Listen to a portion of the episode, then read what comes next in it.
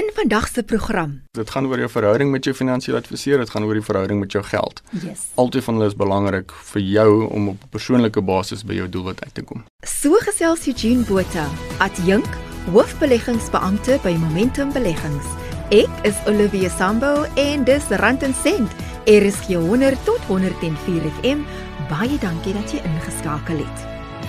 Buitelandse beleggings kan in baie gevalle lyk soos 'n vreemde en uiters willeperd om op te saal, maar dit kan voordelig wees as dit op die regte manier aangepak word. Eugene Botha sê daar is 3 vrae wat jy aan jouself moet vra as jy dit oorweeg om in die buiteland te belê. Die een vraag wat baie mense altyd vra is, moet ek in die buiteland belê? En dan hoekom moet ek in die buiteland belê? En dan ook hoe moet ek in die buiteland belê? So weer eens dit begin met jou eie finansiële profiel, jou eie doelwitte. En daai besluite moet nie altyd van 'n emosionele perspektief afgeneem word nie, want dit kan baie gevaarlik wees. Die vraag oor moet ek in die buiteland belê? Die antwoord daarop is dikwels ja. En die rede hoekom hy die antwoord ja is, is omdat daar 'n heelwat voordele is van om in die buiteland te, te belê. Een van die voordele is diversifikasie. Nou diversifikasie is een van die belangrikste elemente wanneer dit kom by beleggings. Jy wil jou risiko so ver versprei as moontlik in verskillende bateklasse, beleggingsinstrumente ensovoorts. So om in die buiteland te belê, gee jou blootstelling aan verskillende lande, verskillende industrieë, verskillende maatskappye, ekonomiese siklusse, wisselkoerse ensovoorts wat anders is as wat jy kan kry in jou tuisland waar jy woon ander aspekte is weer eens dit verminder die volatiliteit wat gepaard gaan met ontleikende lande. So ons sit in die suidpunt van van Afrika in 'n ontleikende mark. As ons kyk na die aandelemark in Suid-Afrika, is dit 1% van die markwaarde van die totale wêreld se se markwaarde.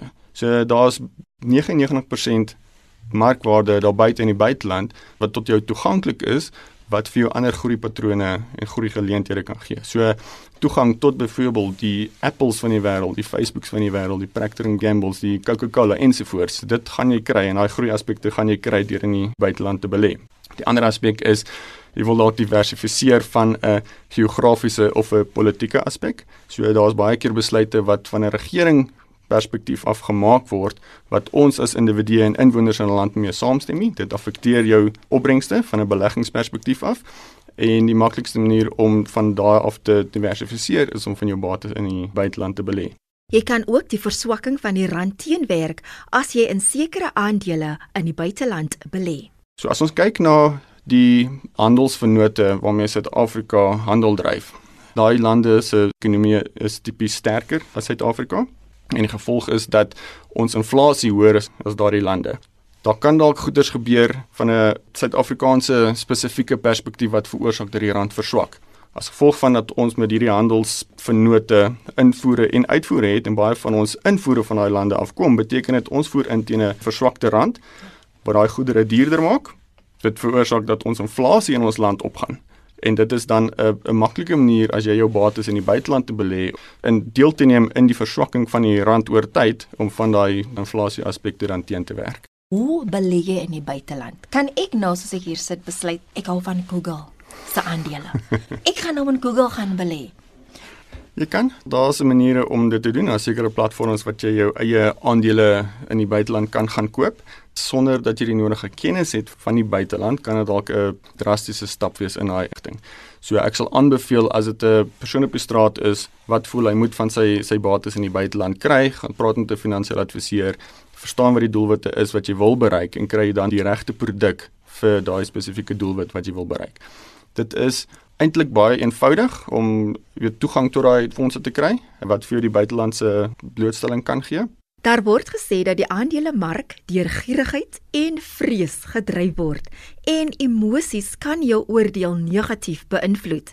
Dis hoekom dit raadsaam is om jou beleggings aan kundiges te oorhandig wat weet waar, hoe en hoe lank om jou geld te belê. Professionele mense kyk op na 'n ander perspektief na daai beleggings en dit is nie noodwendig altyd 'n emosionele besluit nie. So sentiment dryf persepsie en dit dryf net weer emosie. So as jy van 'n dag tot dag na daai prys van jou belegging gaan kyk hoe dit op en af gaan, gaan jy emosioneel daarop reageer. So as dit oorgelaat word aan 'n professionele batebestuurder wat verstaan dat daar geraas gaan wees of noise soos wat hulle dit in die beleggingsbedryf noem, wat daar goedjies gaan gebeur binne in 'n maatskappy of van 'n politieke perspektief af wat gaan veroorsaak dat die sentiment op en af gaan op oor 'n korter termyn. Dis al maniere om deur daai geraas te kan kyk van die fundamentele faktore na te vors om te kyk of al daai fundamentele faktore nog steeds in plek is en dit ooreenstem met die oorspronklike beleggingsbesluit wat jy gemaak het. En as daai twee nog in lyn is, dan is dit nog veilig om daai belegging te hou vir 'n spesifieke termyn totdat dinge verander. Die beleggingstermyn is altyd 'n moeilike een om te bepaal want dit hang af van wat die doelwit is waarvoor jy as individu wil belê of wil spaar. Vir baie mense is jou enigste belegging is jou pensioenfonds. Dis 'n langer termyn belegging En die verkeerdste ding wat jy kan doen van 'n pensioenfonds perspektief af is om op 'n dag tot dag basis te kyk hoe daai beleggings verander want dit gaan verander. Dit is meeste van die tyd 'n aggressiewe fonds waarna jy is omdat jy die maksimum groei wil uitkry vir jou pensioens en jou aftrede eendag. Maar daar kan ook ander meganismes soos van spaar en belegging waar jy byvoorbeeld oor 'n jaar se tyd op vakansie wil gaan of 'n motor wil koop dan moet jy net seker maak dat nadat jy met jou finansiële adviseur gepraat het, dat jy in die regte beleggingsstrategie is wat nie so volatiel oor die korter termyn gaan wees nie en met meer duidelikheid op daai doelwit gaan bereik. Is dit die regte besluit as jy oorweeg om al jou geld in die buiteland te belê? Dalk moet ons kyk dat daai besluite nie net van 'n emosionele perspektief af gemaak moet word nie, maar dalk moet ons kyk na gegee die feit dat ons dalk nou in 'n situasie is waar ons nie 'n goeie uitkoms sien vir 'n land nie, gee dit nie vir ons 'n goeie koopgeleentheid van 'n Suid-Afrikaanse perspektief af nie. Vir enige belegging wil jy waarde vir jou geld kry. Waarde word beskryf as iets wat goedkoop is, wat jy voel kan groei oor tyd.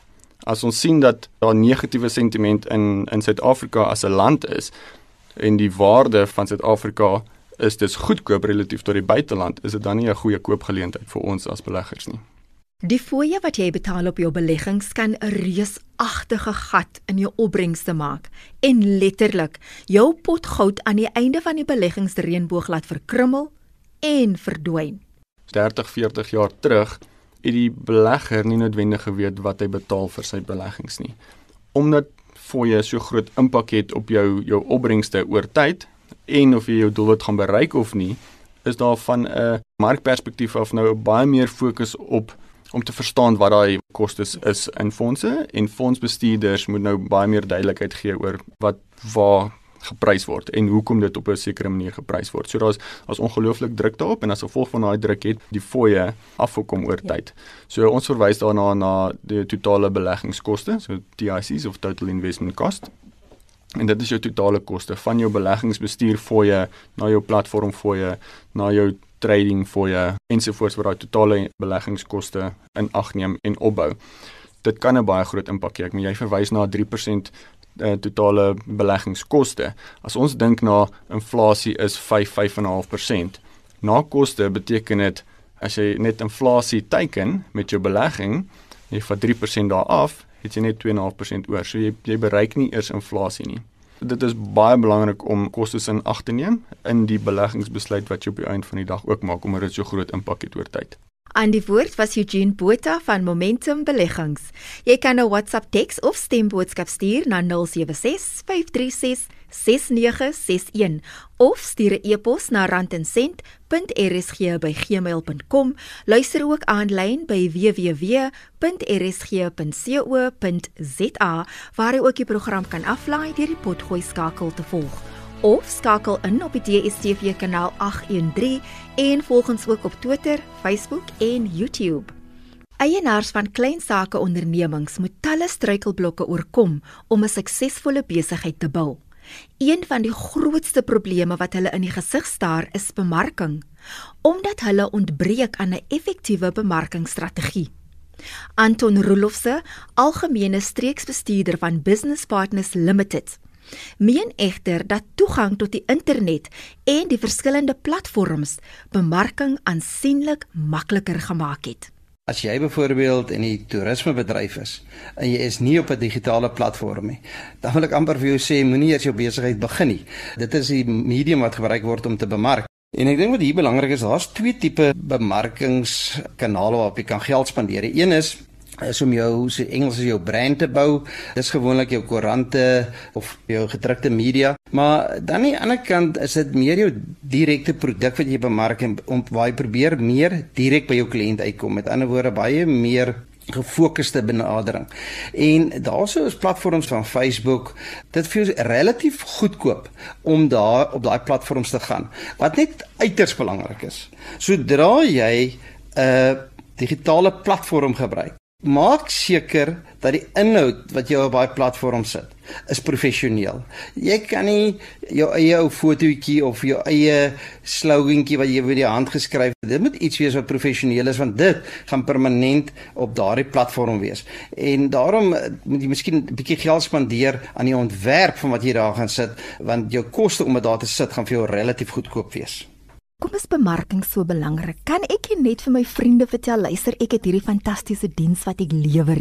Ja, ek dink ons moet besef dat die doel van 'n bemarkingsplan is om te besluit hoe gaan jy jou produkte en dienste aan verbruikers bemark.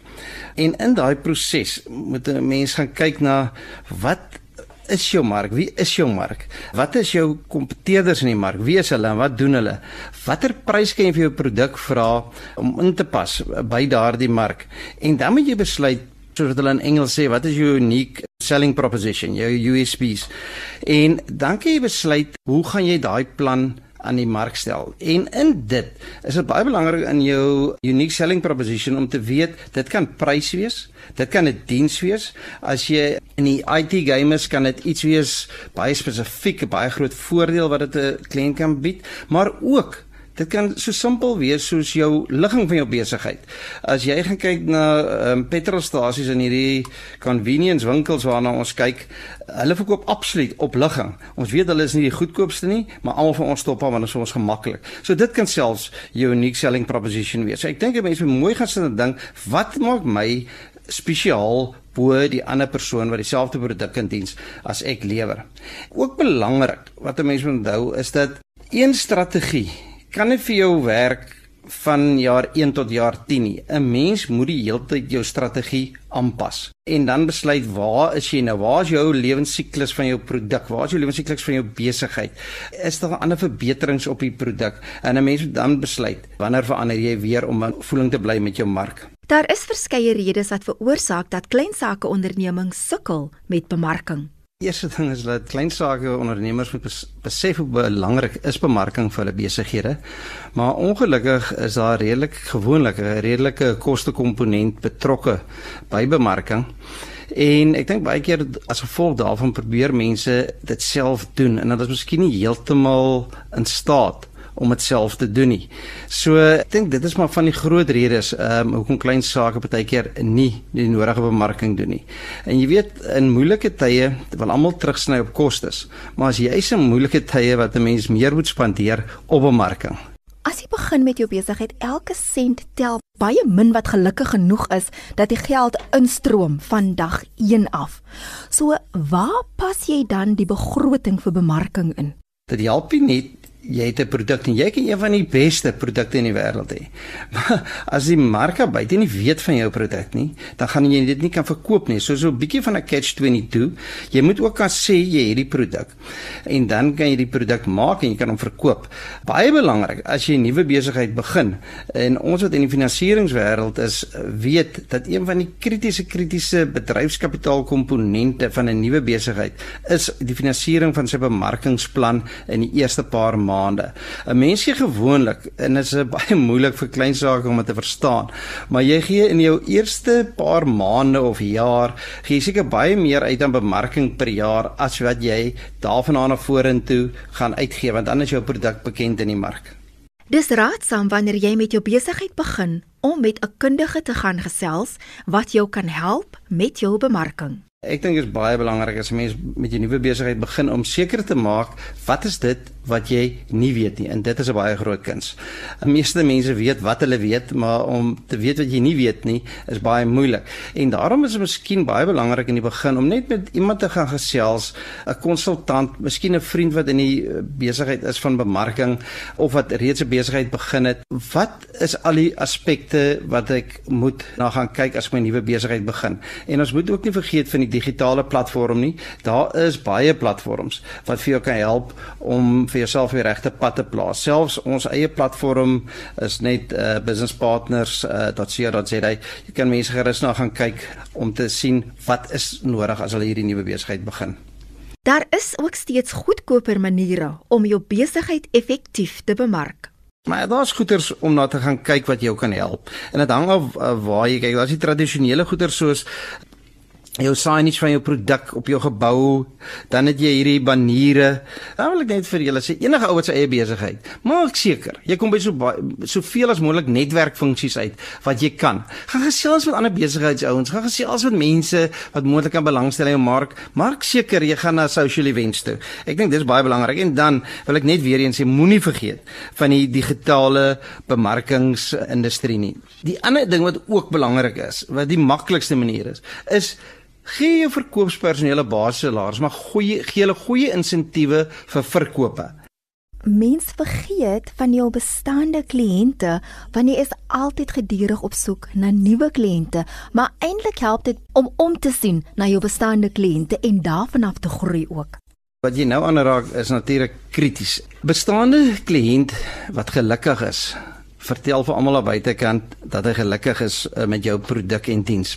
Ook hy's reeds op jou skerm, so dis baie makliker om aan hom jou produk of diens te verkoop. Dis baie goedkoper. Ek het nie die presiese syfer nou by my nie, maar ek dink is omtrent 1 tot 10 wat dit vir jou goedkoper is om 'n bestaande kliënt te behou as wat dit is om 'n nuwe kliënt te kry. Met ander woorde, as vir jou R1000 gaan kos om 'n bestaande kliënt te behou, gaan dit vir jou R10000 kos om 'n nuwe kliënt te kry in terme van bemarking amper so hoog soos 40% van ons besigheid is met bestaande kliënte. Wat belangrik is is jy kan ongelukkig nie net op bestaande kliënte werk nie, want jy moet jou besigheid groei en jy gaan bestaande kliënte gaan afval vir watter rede ook al. Maar dit is belangrik dat jy jou bestaande kliënte moet gelukkig hou. Nie almal is so gelukkig om 'n fafte klerk te ken wat jou swembroekie kan dra net nadat Suid-Afrika die rugby wêreldbeker gewen het nie. Maar wat kan jy doen om jou dienste of produkte effektief te bemark as jy die eienaar is van 'n klein sakeonderneming en jy het 'n beperkte klein begroting.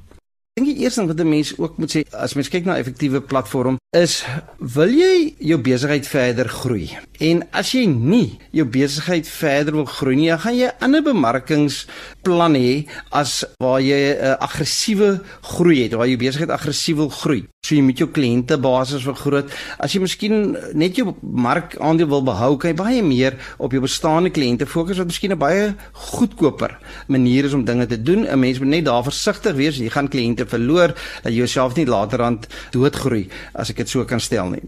Wat is effektiewe bemarkingsplan? Effektiewe bemarkingsplan is om suksesvol te wees en meer van jou produkte te verkoop, meer kliënte op jou boeke te kry, dit is wat ek dink 'n suksesvolle bemarkingsplan is. Dit was Anton Roelofse van Business Partners Limited. Ek het ook met Eugene Botha van Momentum Beleggings gesels. Die program word weer Woensdagoggend om 04:30 herhaal. Ek is Olivia Sambo en ek groet tot volgende week. Totsiens en 'n geseënde week vorentoe.